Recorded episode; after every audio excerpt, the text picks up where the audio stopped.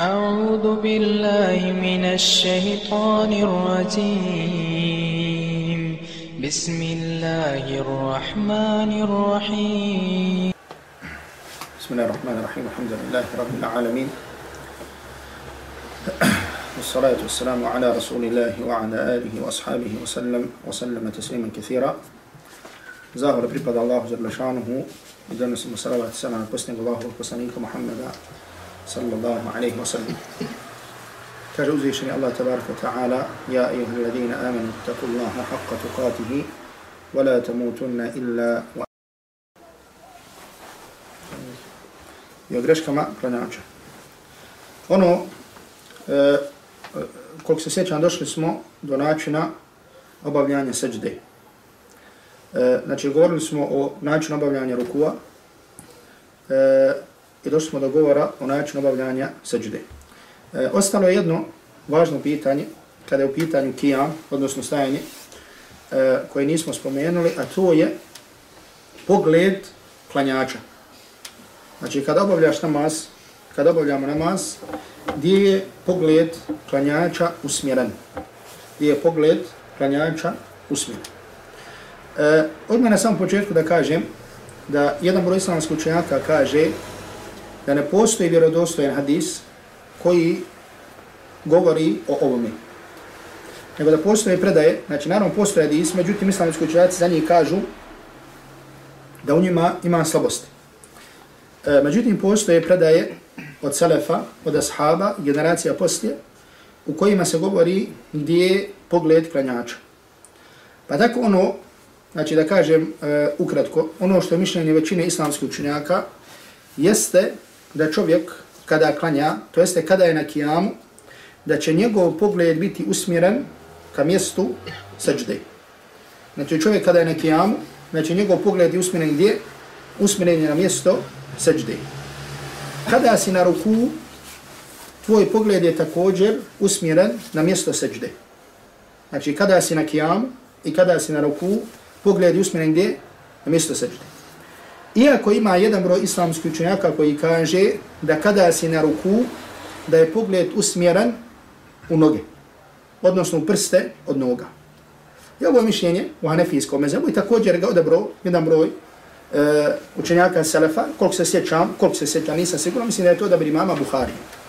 Međutim, ono što je mišljenje većine, jeste da i kada si na kijamu, i kada si na ruku da gledaš na mjesto seđde. Kada si pak na sjedenju, znači kada si na sjedenju, onda gledaš u svoj prst koji pomičeš.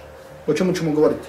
Znači kao što je došao hadis u sunan Abu Dawud od Abdullah ibn Zubaira, gdje se kaže وَأَشَارَ بِإِصْبِعِهِ وَلَا يَتَجَاوَزُ بَصَرُهُ إِشَارَتَهُ Pa je kaže pomicao svoj prst, a kaže njegov pogled, njegov pogled nije prelazio, nije prolazio, nije prelazio njegov, nije prelazio njegov prst.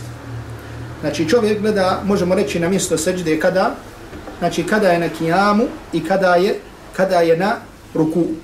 Međutim, kada je na sjedenju, znači svojim pogledom gleda gdje, znači gleda u prst koji u prst koji pomiče. Izuzetak svega ovoga, izuzetak ovoga, znači jeste e, salatul khauf, namaz u strahu. Znači ako Bog da, uz Allahu tabaraka ta'ala pomoć, znači kada budemo kasnije govorili o, o određenim namazima, doći će govor o namazu koji se zove salatul khauf, namaz u strahu. Šta je namaz u strahu? Namaz u strahu je namaz koji obavljaju ljudi koji su u ratu, koji su u džihadu. Znači pa da se desi, na primjer, da je, tako da kažemo, vrijeme borbe, znači bilo da su na straži ili da su vremenu borbe, znači čak u toku same borbe. Znači čak pogledati iz ovoga možemo vidjeti važnost, bitnost namaza, a to je što čak ni u tom momentu nije dozvoljeno da prođe namazki vakat. Međutim, u tom momentu će klanjati shodno svojim mogućnostima. Šta znači shodno svojim mogućnostima? Kako im situacija nalaže? Pa makar da se kreću. Pa makar da se kreću, pa makar samo da glavom pomiču, znači da im bude u smislu ruku, u smislu seđda i tako dalje, tako će klanjati. I to je kao što ćemo doći, salatul haufu. Znači može se, salatul hauf postoje više vrsta, znači može biti moment kad se klanja u džamatu, na primjer, da ako jedna skupina sražari, na primjer, pa hoće da klanjaju džam, sa džamatom, znači klanjat će sa džamatom, imam će započeti sa njima. Međutim, kada završi jedan rekat, na primjer, klanjaju sabah, nakon prvog rekata, skupina koja je klanjala sa njim će ga napustiti i otiće, otiće na mjesto straže, na mjesto linije. I tamo će upotpuniti svoj drugi rekat.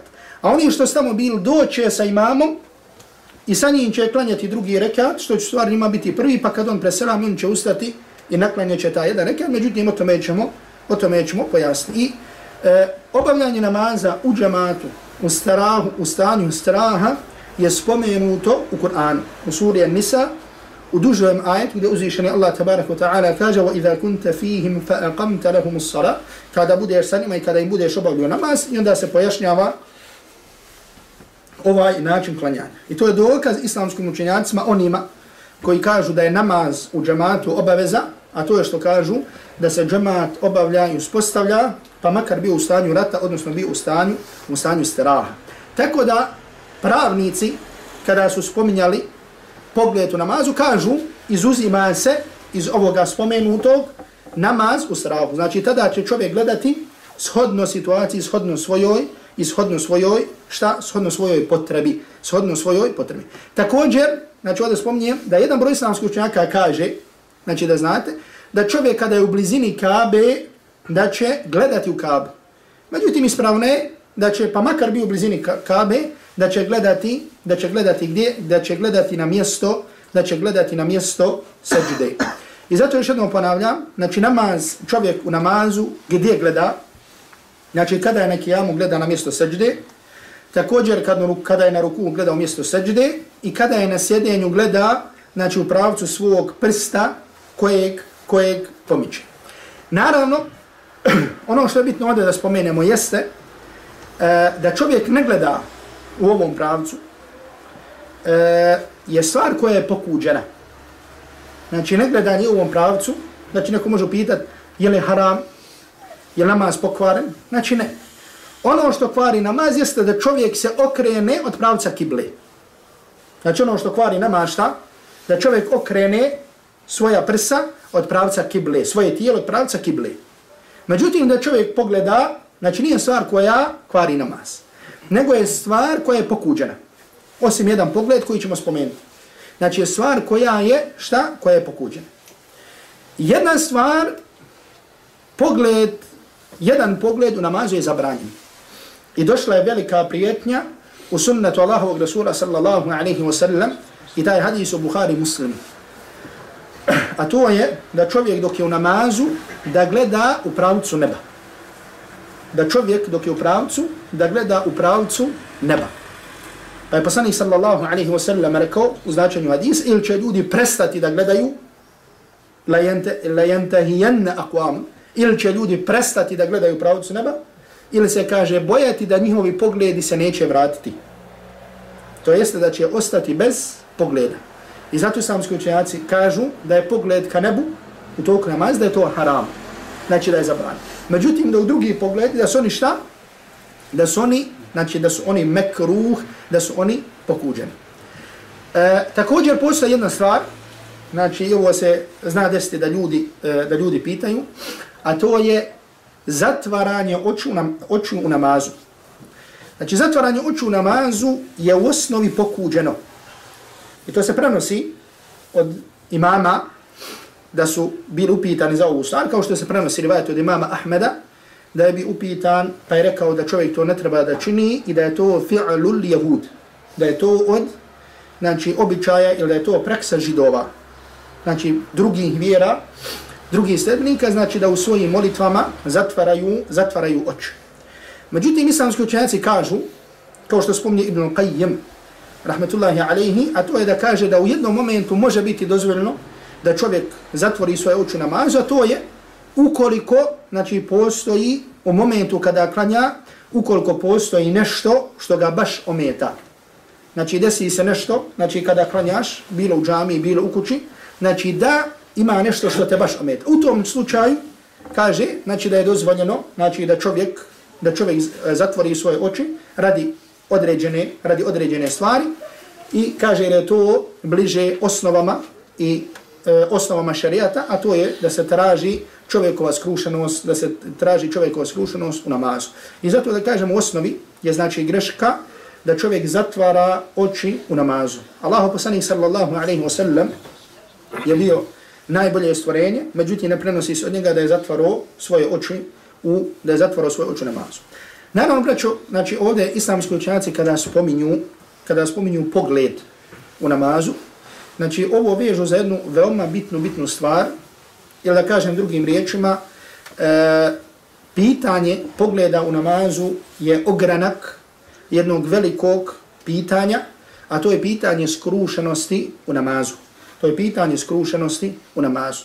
I zato islamski učenjaci, islamski pravnici, kada spominju, kao što na primjer spominje su dijelu Multaqa al-Abhur, znači poznato dijelo iz hanefijskog fikha, znači koje je bilo znači, puno izučavano na našim prostorima, znači kada se na početku ovog dijela Ibrahim al-Halabi, autor ovog dijela, kaže, kada na početku, kada govori o svojstvu namaza, kaže وَيَنْبَغِي الْخُشُعُ فِي الصَّلَةِ Potrebno je znači, da čovjek bude skrušen u svom namazu.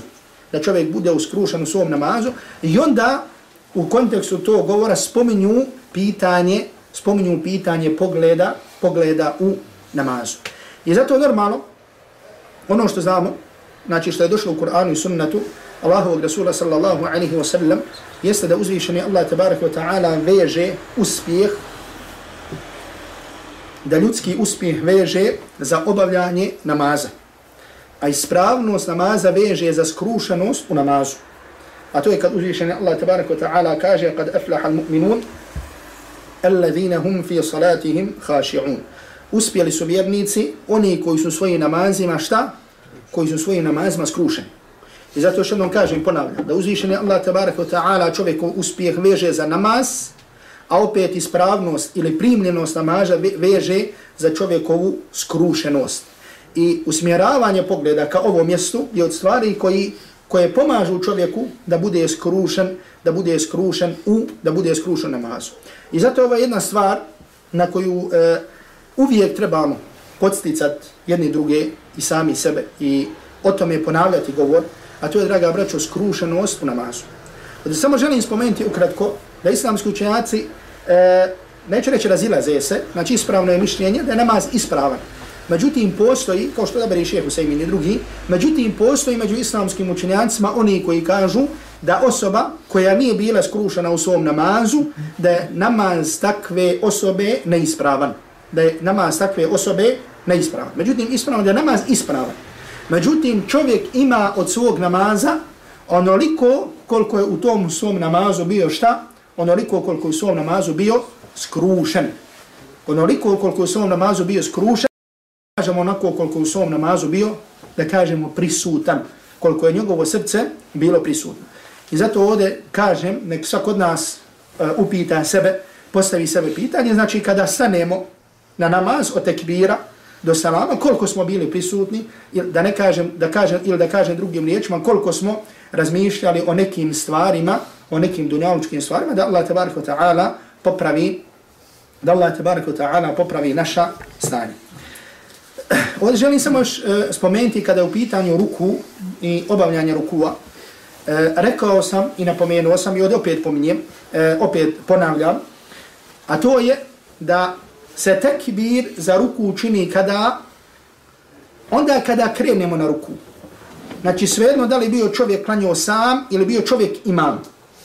I ovdje grešku čini veliki broj imama zato što tekbir čini kad ode na ruku. Bojeći se da ga oni za njega ne bi prestigli. Znači, kada čovjek, znači, ljudi odu na ruku i kažu Allahu ekber. Znači, to je pogrešno.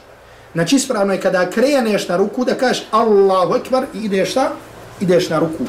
Još jednom ponavljam, bio sam, ili bio šta? Ili bio ka ima. Ili bio kao, kao imam.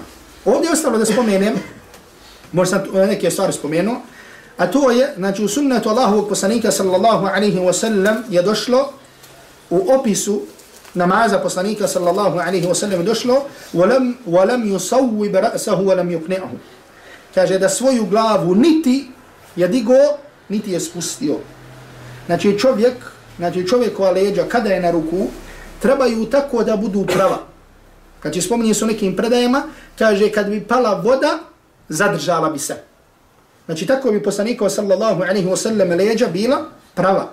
Znači kad bi pala voda na bilo koji dio tijela, ona bi se šta? Zadržala. Znači šta je greška? Greška je kada je čovjek na ruku, na primjer da glavu digne ovako. Pa znači leđe izgledaju šta? Ovako. Ili na primjer da spusti glavu dole skroz, pa onda ide ovako. Jel razumijete? Znači ispravno je i onako kako je došlo u sunnetu Allahovog Rasula sallallahu alaihi wa sallam jeste znači da leđa budu potpuno, potpuno prava. Još jednom kažem da se spominje u predajemu hadisma, u opisu, kaže kada bi pala kap vode, ona bi se na tome šta zadržala. Dobro, e, još jedno pitanje e, e koje ne znam da li smo spomenuli, a to je e, da kada u pitanju ruku, znači šta je granica rukua? Znači mislim da ovo me nismo govorili. Znači šta je granica rukua tako da kažemo da je čovjek učinio ruku. Znači granica je rukua da se čovjek sagne, međutim koliko? Znači ono što je mjera da se sagne toliko da vrhovima svojih prsti dotakne koljeno. Da dotakne koljeno. Znači ako se savije toliko, čovjek se smatra da je učinio šta? Da je učinio ruku. Naravno ovdje u osnovi, u osnovi, u osnovi, Znači, da kažemo, svi znamo kako se čini ruku. Međutim, gdje može doći korist ovih pitanja? Na primjer, ukoliko se desi da čovjek bude bolestan, pa na primjer ne može potpuno da se sagne, nego želi da zna granicu do koje mora da se sagne. Znači, ovo je granica ruku. Da kažemo, znači, da može da vrhovima prstiju dohvati do koljena, ili da kažemo rukama do koljena, međutim, od sunneta je Znači Allahu poslanik sallallahu alaihi wa sallam kada bi učinio ruku, znači svojim šakama, svojim rukama, rukama bi se uhvatio za koljena. I ovdje je pohvalno, ovdje je pohvalno da prsti budu rašireni. Znači da ovaj hvat, znači ovaj položaj, znači postoje mjesto u namazu gdje prsta ne širimo. Znači kad smo govorili prilikom početnog tekbira, znači nećemo ovako, čini se ovako. Međutim, kada je u pitanju hvatanje koljena, onda je tu od sunnata Allahovog Rasula sallallahu alaihi wa sallam da šta? Znači od sunnata Allahovog Rasula sallallahu alaihi wa sallam je da prsti budu rašireni. Ovdje je stalo još jedno pitanje koje nismo zasigurno spomenuli, a to je pitanje vraćanje sa rukua.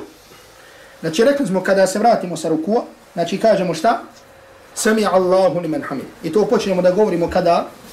Kada počnemo da se dignemo. Dobro. Kad se dignemo kažemo šta? Rabbana wa lakil hamd. Rekli smo znači da ovdje znate da postoje više načina izgovaranja Rabbana wa lakil hamd ili Rabbana lakil hamd ili Rabbana wa lakil hamd ili Allahumma Rabbana lakil hamd ili Allahumma Rabbana wa lakil hamd. Međutim, kako god kaže čovjek, znači ono je šta? Ono je ispravno. I čovjek nije će krenuti na seđudu, osim kada šta? Izgovori tekbir u kojem položaju? U položaju dok je na kijam. Izgovori tekbir i krene na seđudu. Znači ovdje se dešava, rekao sam vam, znači u brzini da čovjek, znači, sami Allahu limen hamida rabba, i znači ono dok pada i rabbana wa hamdi, Allahu ekber, i na seđu došao iz smana rabbi, Allah, ala se reku. Znači u padu je sve, kao se kaže, izgovori. Znači ne, sami Allahu limen hamida, rabbana wa lekil hamd. Znači polako, nema niđe, znači nema niđe žure. Znači, sami Allahu hamda, rabbana velike hamda. hamd. I ako dodaš nešto na taj zikr, ko što je došlo, ko želi da nauči hamdan, kathiran, tajima, onda kaže Allahu ekber, i onda ideš. Međutim, još jednom ponavljam, ne sami je Allah hamda, i onda upadu da sve to, upadu sve to da kaže. Dobro. Ovdje nismo spomenuli položaj ruka kada se čovjek digne na ovaj kijam. Da kažem, ovo na neki način možemo nazvati kijam, znači ne kijam ono gdje čovjek stoji, međutim opet je vrsta kijama, znači kad digneš se, sam Allahu Allah ulimin hamda, dobro, gdje ruke tada idu? Znači, rekli smo, spomenuli smo da je, znači, ispravno mišljenje, ono zašto su došli hadisu Buhari muslimu, znači da se, da je sumne da se ruke dižu prilikom, znači kada čovjek ide na ruku i kada čovjek vraća sa ruku. Znači, hadisu Buhari muslimu, Ibn Omara i drugi, Imam Buhari je čak napisao zasebno dijelo, je spomenuo sve hadise i predaje o dizanju ruka. Znači, jedan broj uleme kaže da je taj hadis o dizanju ruka na stepenu tevatura. Znači to je smatrano se najvećom, najvjerodostojnijom i najjačom vrstom hadisa. I spomenuo sam vam koje sve čak i od hanefijskih učenjaka uzo i odabro ovo mišljenje i radio po ovo mišljenju. Dobro. Međutim, sada kada se dignemo, da li ruke opet vežemo, znači prije nego što odemo na seđdu, ili je pustimo niza se. Znači ovdje većina islamskih učenjaka kažu da se ruke puste niza se. To ti žvaku žvačiš dok ti drs. Maša Allah, alejk. Znači, toliko dolaziš kod mene na drsove i žvačiš žvaku dok ti drs. La wala quwwata illa billah. Hajde nisa. Znači, sami Allahu liman hamida, Rabbana wa lakal hamd, i šta radimo s rukama? Znači, većina islamskih učenjaka kaže da se ruke šta? Da se spuste. Zašto? Šta je dokaz tome? Dokaz tome je što ne postoji dokaz u kojem se kaže da se one svežu. Radi nepostojanja dokaza. Pa, isla, pa učenjaci koji zastupaju ovo mišljenje kažu da šta? Kažu da je toliko prenešen hadi, da je toliko prenešen namaz Allahovog poslanika sallallahu alaihi wa sallam, međutim nijednoj predaji se nije spomenulo, znači da je ponovo, da je ponovo svezo ruke, nica to prenosi od ashaba Allahovog poslanika sallallahu alaihi wa sallam. Međutim, postoje mišljenje, da vam kažem, i to se prenosi, to je rivajet od imama Ahmeda. I to je odabro ših, e, odabro ših bin Bas. Međutim, ne znam, mislim da ga je ših Husaymin odabili. A to je da kada se vrati, da se ruke opet, kada se digne, da se ruke opet vrati. Na osnovu čega, oni uzmaju općentost, tako da kažem, hadisa u kojima se kaže da poslanik sallallahu alaihi wa sallam kada bi se digao sa rukua, da bi se toliko smirio, da bi se svaka kost vratila na isto mjesto. Hatta jerđal aidam, da bi se svaka kost vratila na svoje mjesto, da bi se svaki zglob vratio na svoje mjesto. Pa ovo kažu da bi se svaka kost ili zglob vratio na svoje mjesto, podrazumijeva i da ruke budu ovako kao što su bile prije. Međutim, rekao sam da većina islamskih učenjaka kaže da se odnosi općenito, znači ne na ovaj položaj, jer ovaj položaj nije prenesena stvari, jel znači, znači po pitanju stvari, ovakve stvari, postoji širina, pa tako da kažemo, znači čovjek, onaj koji izučava nauku, on će uzeti on ponome, znači što mu se, e, što vidi da je vjerodostojnije, na što pučuju dokaz, međutim čovjek koji ne izučava nauku, tako da kažemo, onda će uzeti, tako da kažemo, od onoga u čije znanje i njegovu vjeru ima, ima znači sigurnosti i povjerenja. Dobro, kada upitam činjenje seđde, rekli smo da ispravno da se seđda, znači da po pitanju odlaska na seđda postoje dva mišljenja. I to razilaženje sam vam spomenuo. Ono što mi se čini ispravno, Allah najbolje zna, znači ovdje je također stvar kao i predno, znači za oba dvije stvari ukazuju hadisi, postoje mišljenja, međutim ono što mi se čini ispravni, Allah najbolje zna, i to što spomenuti odabri šeheh Islama ibn Taymiye, ibn Qayyima, također šeheh ibn Baza, šeheh Usaymina, a to je da čovjek prvo odlazi svojim koljenima. Znači kada ideš na seđdu sa kijama, ideš prvo šta? Svojim koljenima, pa onda svojim rukama, pa onda svojim čelom. Drugo mišljenje kaže da prvo ideš svojim rukama, pa onda ti se spuštaju koljena. Međutim, ovo, znači prvo mišljenje se temelji na hadisu, a to je hadis e, gdje se kaže da gdje kaže ashab, kaže vidio sam poslanika alihi salatu wasalam da učinio, pa i kaže stavio svoja koljena, prvo svoje koljena, pa onda svoje ruke. I drugi hadis u kojem se kaže kada neko od vas čini seđdu, neka ne ide kao što ide deva Fela yabruk kama yabruku al-ba'ir neka ne ide kao što čini kao što to čini djel. dobro ovdje sad jedni i drugi učenjaci uzmu ovaj hadis kao dokaz. Međutim ako pogledamo kao što na primjer pojašnjava šejh Husemin ili drugi na primjer ako gledamo ovako devu sa strane i znači tu je deva ima zadnji ima prednje noge. Deva kada silazi znači kada se spušta prvo se spušta kojim? Prvo se spušta prednjim nogama pa onda ide zadnjim. Znači, i zato kažu znači, da čovjek ne treba da ide prvo rukama, nego da ide prvo, prvo svojim nogama. Ovo je tumačenje, da kažem, onih učenjaka koji kažu ovako. Iako se u ovom samom hadisu, koji je u sunan Abu Dawuda kaže, kada neko od vas čini seđu, neka ne ide kao što čini deva, nego neka stavi prvo svoje ruke pa svoje koljena. Što je suprotno da kažemo na neki način ovom pojašnjenju koji smo rekli. Međutim, Ibn Qayyim, jedan broj ileme, pojašnjava da je ovdje došlo do zamjene u hadisu od strane jednog od prenosioca, nego da bi bilo ispravnije da čovjek kaže neko stavi prvo, nego neka stavi prvo svoje koljena, pa onda svoje, onda svoje ruke. Dobro. Čovjek kad ode na seđdu, postoje određeni sunnati, vraću se kasnije na stvari koji su rukn prilikom seđde, međutim, postoje određeni sunnati, tako da kažemo, koji su e, znači koji su sunne, e, stvari koji su sunnet prilikom obavljanja seđde. Prva stvar je položaj ruka. Znači gdje ruke bivaju kada je čovjek na seđdi. Znači pogledajte koliko nam je precizno prenesen na seđdi kada je čovjek na seđdi, da tako kažemo da se raširi. Šta znači da se raširi? Znači da svoj stomak odvoji od svojih stegna, od svojih koljena. Znači da se odvoji. I također svoje ruke da šta? Da svoje ruke da raširi. Pa se kaže da bi poslanik waba'ade i kaže da bi poslanik alaihi salatu wasalam odvojio svoje ruke od čega? Od svog, znači od svog, kako, kako bi ovo, od svog tijela. Znači od svog boka. I također da odvoji stomak od, svoj, od svog šta? Stegna. Pa se kaže u hadisu, kaže kada bi malo janje tijelo da prođe, moglo bi da prođe. I ovo je sačuvano, ja znači koliko se sjećam stari ljudi, kod nas kad bi govorili, kad bi pojašnjavali seždu, kaže kad bi ovca tijela da prođe, da može da prođe. Ovo je spomenuto u hadisu. Znači kaže, lev, lev aradet behmetun, kad bi tijela mala ovca da prođe, le mrret. Prošla bi, prošla bi tuda. Toliko se misli da čovjek bude šta? Raširen na seždi. Naravno ovo podrazumijeva, hadisu je došlo, to nisam spomenuo, zabrana. Znači ovo su stvari koji su pohvalne. Međutim, pokuđeno je, dobro je pokuđeno, da čovjek svoje laktove stavi na zemlju. Znači ovo je došlo hadisu, kada neko od vas klanja, nemoj da je vteriš, nemoj da se spusti kao što se spušta pas. Nemojte da se spušta kao što se spušta pas. Pa znači još jedno ponavljanje, kada se čini seđda, znači ruke budu, rekao sam gdje u pravcu, uši u pravcu ramena, zatim ruke odvojimo od poda i raširimo. Međutim, ovo da raširimo, znači ovo osim u jednom slučaju, osim u kojem slučaju, osim u slučaju džematu.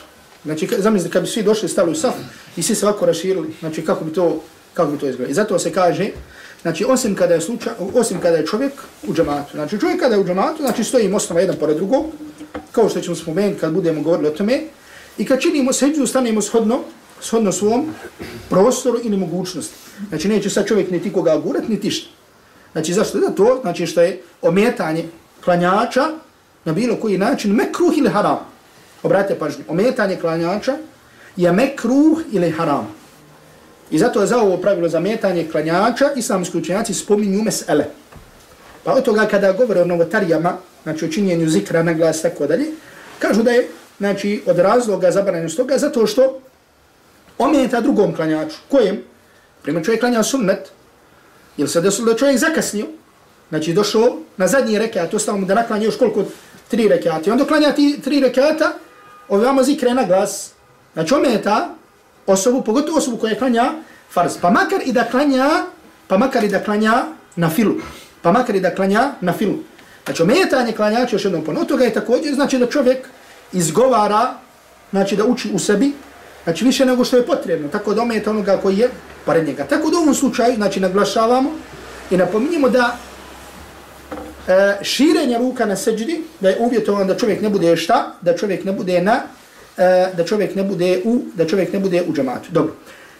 Ono što je bitno i da kako, Allah dao svako dobro, znači da napomenemo, je, e, je sljedeća stvar. E, to je e, da je uslov seđde. Je ovo mišljenje ispravno? Da seđda bude na sedam dijelova tijela.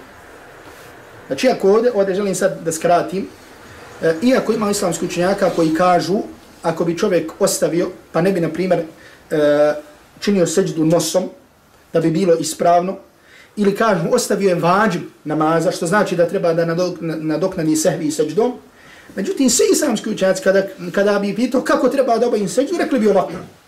Znači, ne sedam udova. Međutim, ako se ne bi desilo, ako bi se desilo, na primjer, da nije stavio nos, onda jedan broj uleme kaže, dozvoljno je međutim pokuđeno, jedni kažu ovako, međutim ono što je ispravno, mišljenje koje je ispravno i na koju upućuje hadis, jeste da svi ovi sedam udova mora da dotaknu zemlju. S tim što kažu, pa makar čovjek kad bi jednim dijelom tog uda dotakao, bilo bi ispravno. Znači ne, ako kažemo da treba šakom da dohmati zemlju, na primjer ako bi jednim dijelom šake dohmatio, bilo bi ispravno. Međutim, mora ta šaka, jedan od tih sedam udova, da, da bude tako da kažem predmet, da se ovako izrazim, da bude predmet sa kojim se čini seđda. Koji je to sedam predmeta? Znači prvo dole su dva stopala, je tako? Znači drugo je dva koljena, ko, to je koliko? Četiri. Zatim dvije ruke, to je koliko? Šest. I šta je sedam? Čelo i nos. Obratite pažnju, čelo i nos predstavljaju jedno. Iako kažem, ima islamski učenjaka koji kažu da bi bilo ispravno kad bi čovjek ispravio sam obavio samo na čelo. Međutim, šta je dokaz da čine jedno? Hadisu Buhari muslimu, a to je da je poslanik sallallahu alaihi wa sallam spomenuo, seđ, da je spomenuo čelo, a u to uvrstio i nos. A to je hadisu Buhari muslimu, gdje uh, od Ibn Abbas radijallahu ta'la anhu, gdje Allah poslanik sallallahu alaihi wa sallam kaže umirtu an asjuda ala sab'ati a'zam ili sab'ati a'da, naređeno mi je da činim seđdu na sedam dijelova tijela. Pa kaže wa ashara bi anfihi ila jabhatihi. Kaže wa ashara bi yadihi ila anfi, zvini. Pa kaže svojom rukom pokazao ka svojim nosom. Znači, spomenuo je poslanik alaihi salatu wasalam sedam dijelova tijela, od toga je spomenuo čelo, wa ashara bi yadihi ila anfi. Kad je rekao čelo, pokazao je ne prema čelo, nego prema nosu. Želeći sa tim da kaže šta? Da nos je dio, da je nos dio čela. Znači, poslanik sallallahu alaihi wa sallam ga je tako, poslanik sallallahu alaihi wa sallam ga je tako učinio. Normalno, znači, pojasnit ćemo kada budemo govorili o namazu osobe koja je bolesna, da svi ovi ruknovi sa čovjeka mogu da spadnu prilikom nemoći. Kako islamski pravnici kažu tačnije, andal ađzi, kod nemogućnosti. Šta, šta znači kod nemogućnosti? Znači, kada čovjek ne može, znači Allah subhanahu wa ta'ala kaže fattakullaha mastata'tum, mestata'atum, bojite se Allaha koliko možete.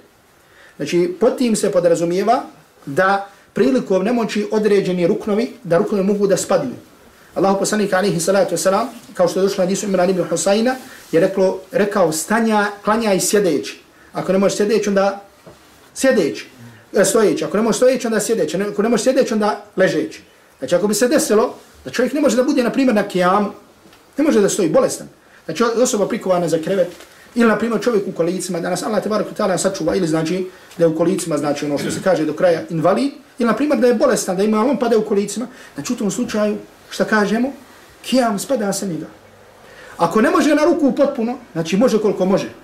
Znači ruku spada sa njega. Ako ne može da ode na seđu, onda i seđu spada sa njega. Međutim, o tome ćemo pojasniti kada budemo govorili o namazu, o namazu osobe, znači o namazu bolesnika. Ostalo je još jedno pitanje koje e, želim da kažem, e, da spomenem, a to je pitanje odlaska na drugi i na četvrti rekat. Šta to znači? To je, na primjer, kada smo, pojasnili smo sada seđdu, pa imamo je tako dvije seđde. Dobro, ovaj, e, kako ustajemo sa druge seđde? Kako ustajemo sa druge seđde? Znači, postoje dva načina ustanka sa dvije seđde. I od, od, uh, e, od opet da kažem i ponovim da je razilaženje, odnosno spominjanje ova dva mišljenja, isto kao i gore prethodno spomenuto. Znači da kažem oba dva ispravno, postoje neke stvari gdje su islamski učenjaci rekli, e, negdje su rekli ovo je rukn, ovo nije rukn. Međutim, negdje su rekli oba dva ispravno, ali ovo bolje. Znači, negdje su rekli oba dva ispravno, ovo je bolje. Tako i ovdje. Znači, učenjaci kažu, kako god da ustaneš ispravno je, to jeste da li odma usto se, bez da sjediš, ili da se sa druge seđde vratiš na sjedenje, ono ko što sjediš između dvije seđde, i onda sa tog sjedenja ustaneš gore. Znači, razumijete o čemu govorim? Činjac kažu, kako god da učiniš ispravno, međutim, ovdje razilaženje šta je bolje. Znači, što napominje razilaženje šta je bolje. Većina islamskih učenjaka kaže, većina islamskih učenjaka kaže da će se ustati bez sjedenja. Znači, da ustaješ šta? Da ustaješ odmah. I to je mišljenje džumhura, džumhur islamskih učenjaka, znači mišljenje imama Ahmeda, e, po rivajetu mišljenje imama Malika, mišljenje imama Ebu Hanifa. Znači kaže da se ustaje odmah. I ovo je također ših Husaymin odabire ovaj način. Međutim, imam Šafija, mišljenje imama Šafija, rivajetu ima, kod imama Ahmeda jeste da se prvo osjedne, pa da se onda ustane. Na osnovu čega? Na osnovu hadisa u Bukhari, a to je hadis od Malik ibn Huwairitha, ashaba gdje se kaže da Allahu poslanih sallallahu alaihi wa sallam ne bi ustao sve dok ne bi prvo sjeo. Da ne bi ustao sve dok ne bi prvo sjeo. Ovaj hadis je rodostojen, znači čak što više u sahihu imama Buhari, znači kao što ga je prenio i opisao ovaj događaj ashab koji se zove Malik ibn Huwairith. Dobro, međutim šta je razlog? Da većina islamskih učenjaka je rekla da se ustaje odmah bez ovog sjedenja. Kaže zato što većina hadisa u kojima se spominje namaz poslanika alaihi salatu wasalam, nije spomenuto ovo sjedenje. Znači to je jedna stvar, nije spomenuta ova stvar. A druga stvar što kažu, što ovo sjedenje je sjedenje dio namazu i nije prenešeno nikako da ima tu ikakav vid zikra koji se čini. Jel razumijete? Znači, nema pokreta u namazu da kažemo da na njemu nema zikr koji je propisan. Međutim, ovo sjedenje nije na njemu propisan nikakav zikr. To je jedna stvar. Druga stvar, toliko hadisa koji opisuje namaz poslanika alaihi salatu se ova stvar se ne spominje. Dobro kažu, pa šta je onda, zašto je hadis Mu'alike min Mu'alik ibn Džumhur islamski učenjaka odgovara i kažu da se ovo odnosi, znači kada je poslanik sallallahu alaihi wa sallam ostario. Na moment kada je Allah poslanik alaihi salatu sallam ostario. I kažu da čovjek, ako je stari, ako mu je teže da se ustaje odmah, da nema zapreke, odnosno da će učiniti ovako. Međutim, kažu u osnovi, znači ovo kažem džumhur islamski učenjaka, da će šta? Znači da će znači ustajeti odmah. Mada imam šafi, ovo također odabire šeha Albani, jeste kažu da će čovjek sediti.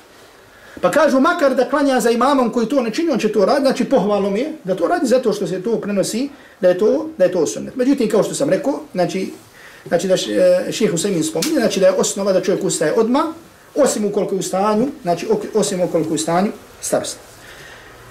Draga braćo, na kraju ću spomenuti da je velika Allahu ta'ala blagodat prema nama što se družimo sa ovim dijelovima, sa ovim dijelima, sa ovim e, dijelovima, tako da kažem, i ovim dijelom života Allahovog poslanika alaihi salatu wasalam. I što ovdje vidimo blagodat sunneta i važno sunneta. A to je da nam je svaka ova stvar, znači pogledajte kako je, kako su bili prsti Allahovog Rasula sallallahu alaihi wa sallam na ruku, jesu li bili spojeni ili su bili rastavljeni kad bi sallallahu alaihi wasallam činio seđdu u kojem pravcu bi bile ruke. Znači šta nam sve to govori osim opisa ko opisa, gdje se traži od nas da ga slijedi. Govori o tome koliko su ashabi prenijeli detalje života Allahovog Rasula sallallahu alaihi wasallam. I naravno ovdje možemo govoriti, znači šire od toga, znači zar još nije preče da nam se prenesu stvari koje su važnost i bitnost, znači samog vjerovanja i poimanja života i poimanja temhida, i poimanja stvari koje narušavaju, koje narušavaju temhid i tako koje, koje narušavaju temhid i tako dalje. I zato znači blagodat je blagodat je da čovjek živi sa ovim stvarima i da ove stvari uči i izučava. I zato islamski učenjaci kada su govorili o vrijednosti hadisa, izučavanja hadisa, znači uvijek spominju i govore o vrijednostima učenjaka hadisa. Pa kažu, kada govore o njihovim vrijednostima, Pa ja ovdje spominjem to u kontekstu da podsjećujem sebe i vas da se družimo s ovim stvarima.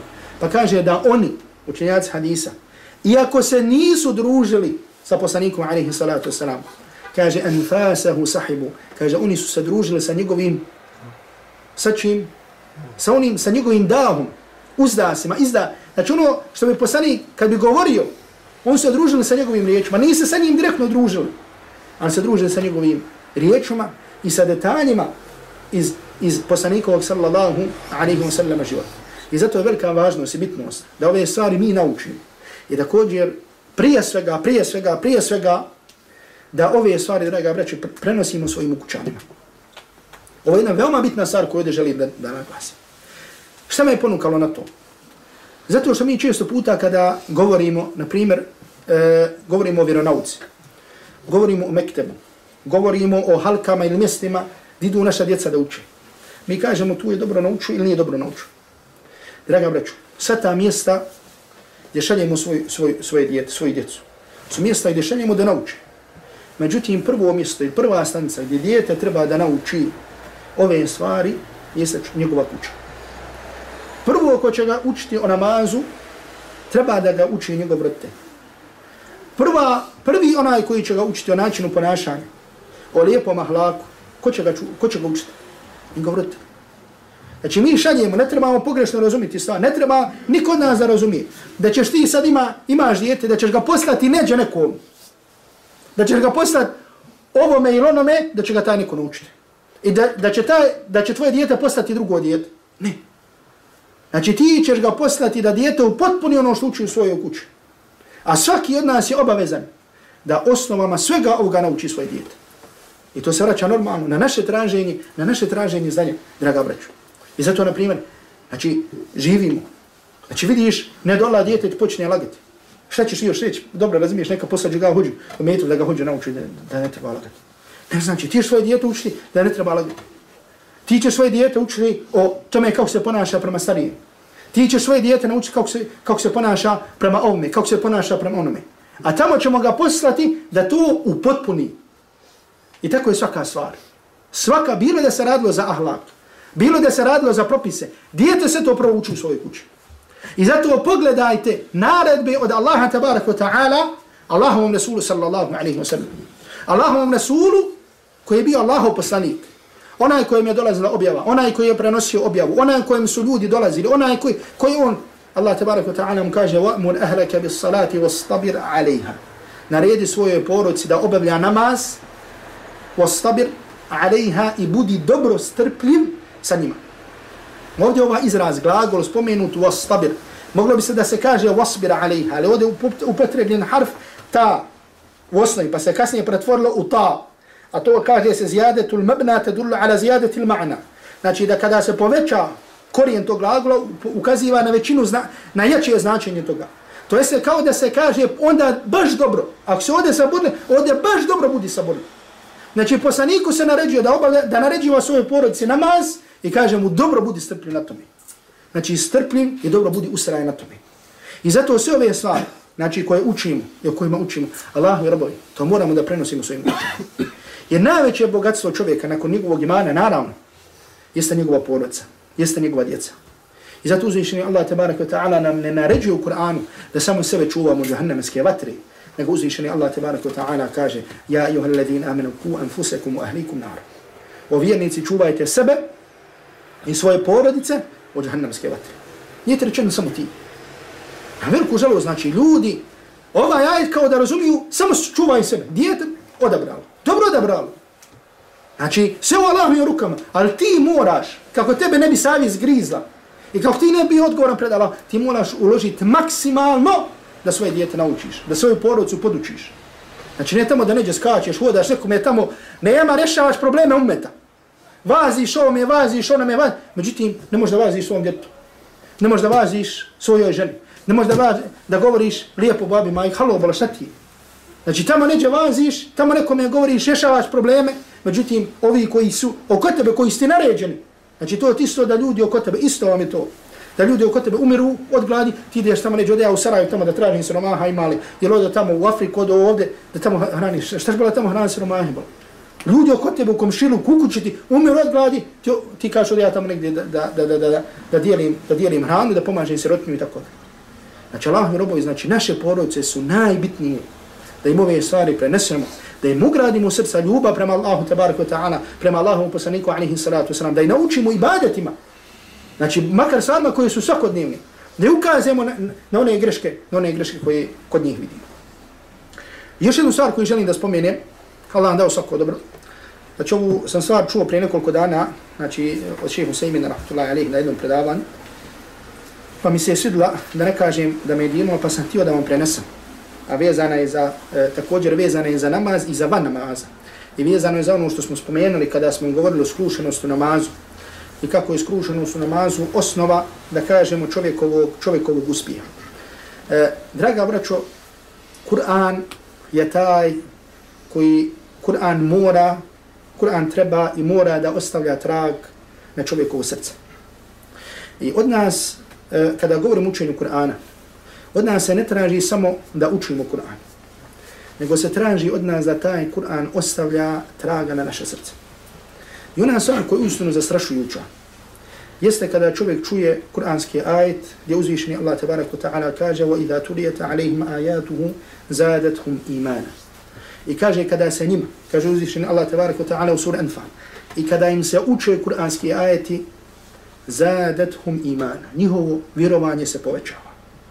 Pa kažu islamski učenjaci da čovjek, ako uči Kur'an i vidi da to učenje Kur'ana ne ostavlja traga na njegovo srce, kaže to je znak da je njegovo srce bolesno i da mora da liječi svoje srce. Znači pogledajte iz ovoga spana, šta je tek onda ako čovjek, ako čovjek ostaje učenje Kur'ana? Pa ne govorimo treba učiti, ne treba učiti. Nego ovdje pitanje, ako, ako učiš Kur'an, učiš, i učenjaci spominju, učiš, učiš Kur'an džuz, dva, tri, međutim, ne reaguje svoje, tvoje srce na to. Kaže, to znači da je srce dobro bolesno. Isto kao što bi došao da pregleda svoje srce kod doktora, kod kardiologa, ne znam koga, pa ti on kaže, e, moraš da ideš na terapiju, pa ćeš tek možda nakon mjesec, dva, tri vidjeti trgove toga. Tako isto čovjek treba da zna, ako vidi, ako vidi tu pojavu kod sebe, treba da zna da je njegovo srce bolesno. Da Allah tebara kod ta'ala od toga sačuva. I da treba i kako da se pozabavi, da se pozabavi sa tom sva, sa liječenjem svog srca.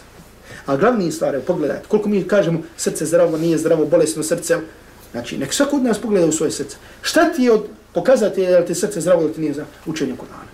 Ako tvoje, ako tvoje e, srce reaguje na učenje Kur'ana, pa ti pobudi želju, nadu, strah ti poveća, da je znak da je čovjek na hajru. Ako toga nema, to je znak da je, da je čovjek, da je čovjek bolestan. Draga braćo, prenosi se od Selefa, da bi mu čovjek znao doći i reći boj se Allaha. Samo kaže boj se Allaha. Kaže, bude uzrok da čovjek danima ne izlazi iz svoje kuće. Če došlo neko rekao boj se Allah. Prenosi se, nekad dan sam čitao biografije Abu Hanife, da Abu Hanife, da je išao i da je stao na nogu djeteta, da mu je djete reklo boj se Allaha, pa kaže da je pa unesiješ od straha. Kaže, možda me Allah savjetuje preko jezika ovog djeteta. A danas ljudima kažeš za neku stvar, on vidi ašičare da je ušao ono, bila zulum čini haram, govoriš boj se Allah, Allah, ovo, Allah, zulum, ma kakvi kada gori zid. Znači, prenosi se od Selefa također da kada bi prošli pored jednog kuranskog ajeta, kad bi proučili, da bi znali, da bi toliko ostavljalo, ostavilo traga na njih, da bi se razbolili i zatvorili u svoje kuće toliko da bi ljudi posjećivali kao što se posjećiva bolesnik. Prenosi se, što ponavljam, da bi Selef, da bi toliko ajet ostavljalo traga na njihove srce, da bi se znalo da jedan ajet toliko ostavi trag da se razbole, pa da ih posjećuju kao što se posjećuju, kao što se posjećuju bolesnici. Allah i robi, hoće li od nas dozvoliti se da bude spušten u kabur, a da mu srce bude bolesno? Znači mi ne znamo. Znači opet što se vraćamo na onu stvar, znači niko od nas ne zna koji mu namaz posljednji, nikad od nas niko ne zna koji mu je sad posljednji, Niko od nas ne zna koji mu je dan posljednji. To je misli rekao, niko od nas ne zna.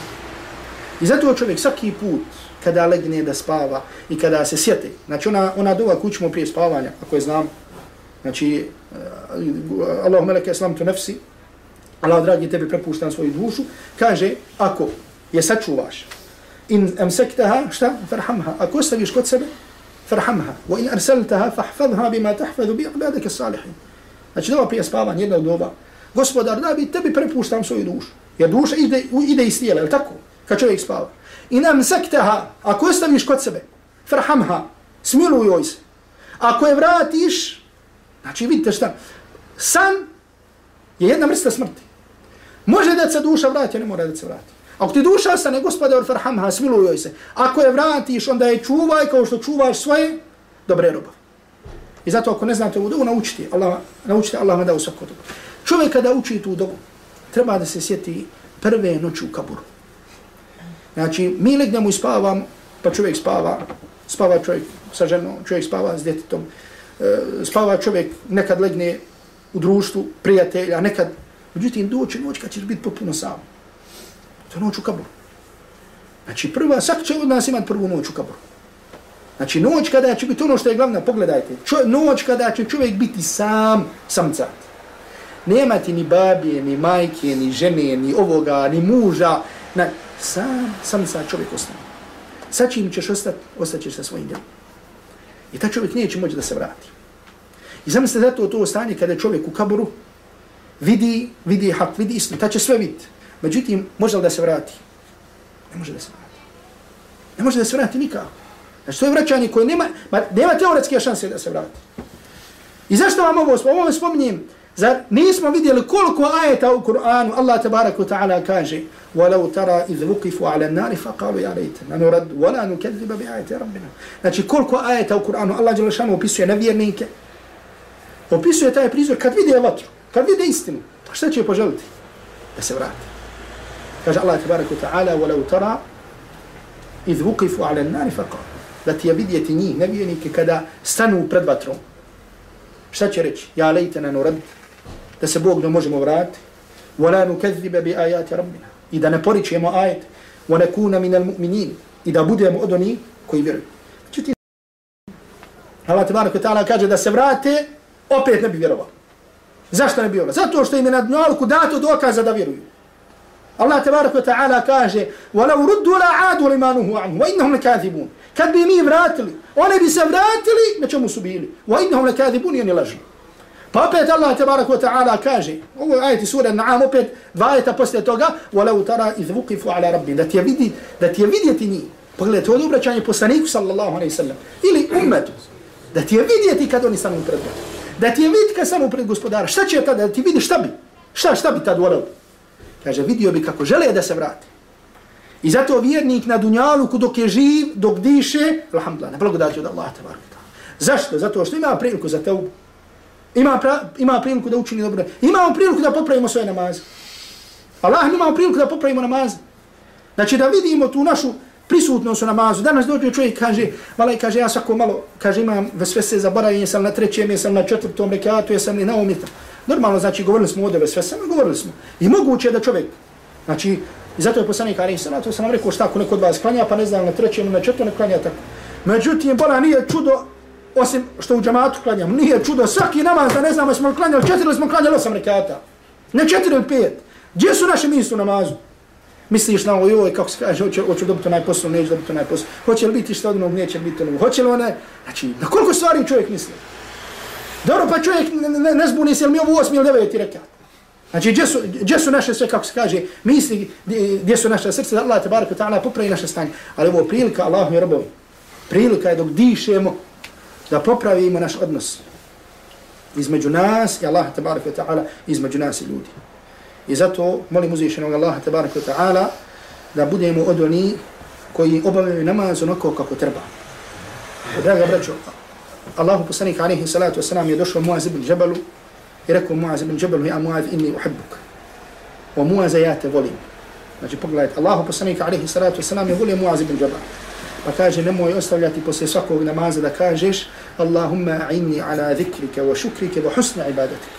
Allahu pomozi me da te spominjem, da te zahvaljivam i da ti lijepo činim ibadet.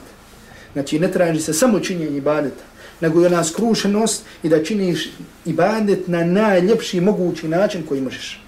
Allah te varko ta'ala molimo da nam uljepša i da nam olakša naše ibadete i da budu onako kako je Allah subhanahu wa ta'ala sa tim zadovoljno.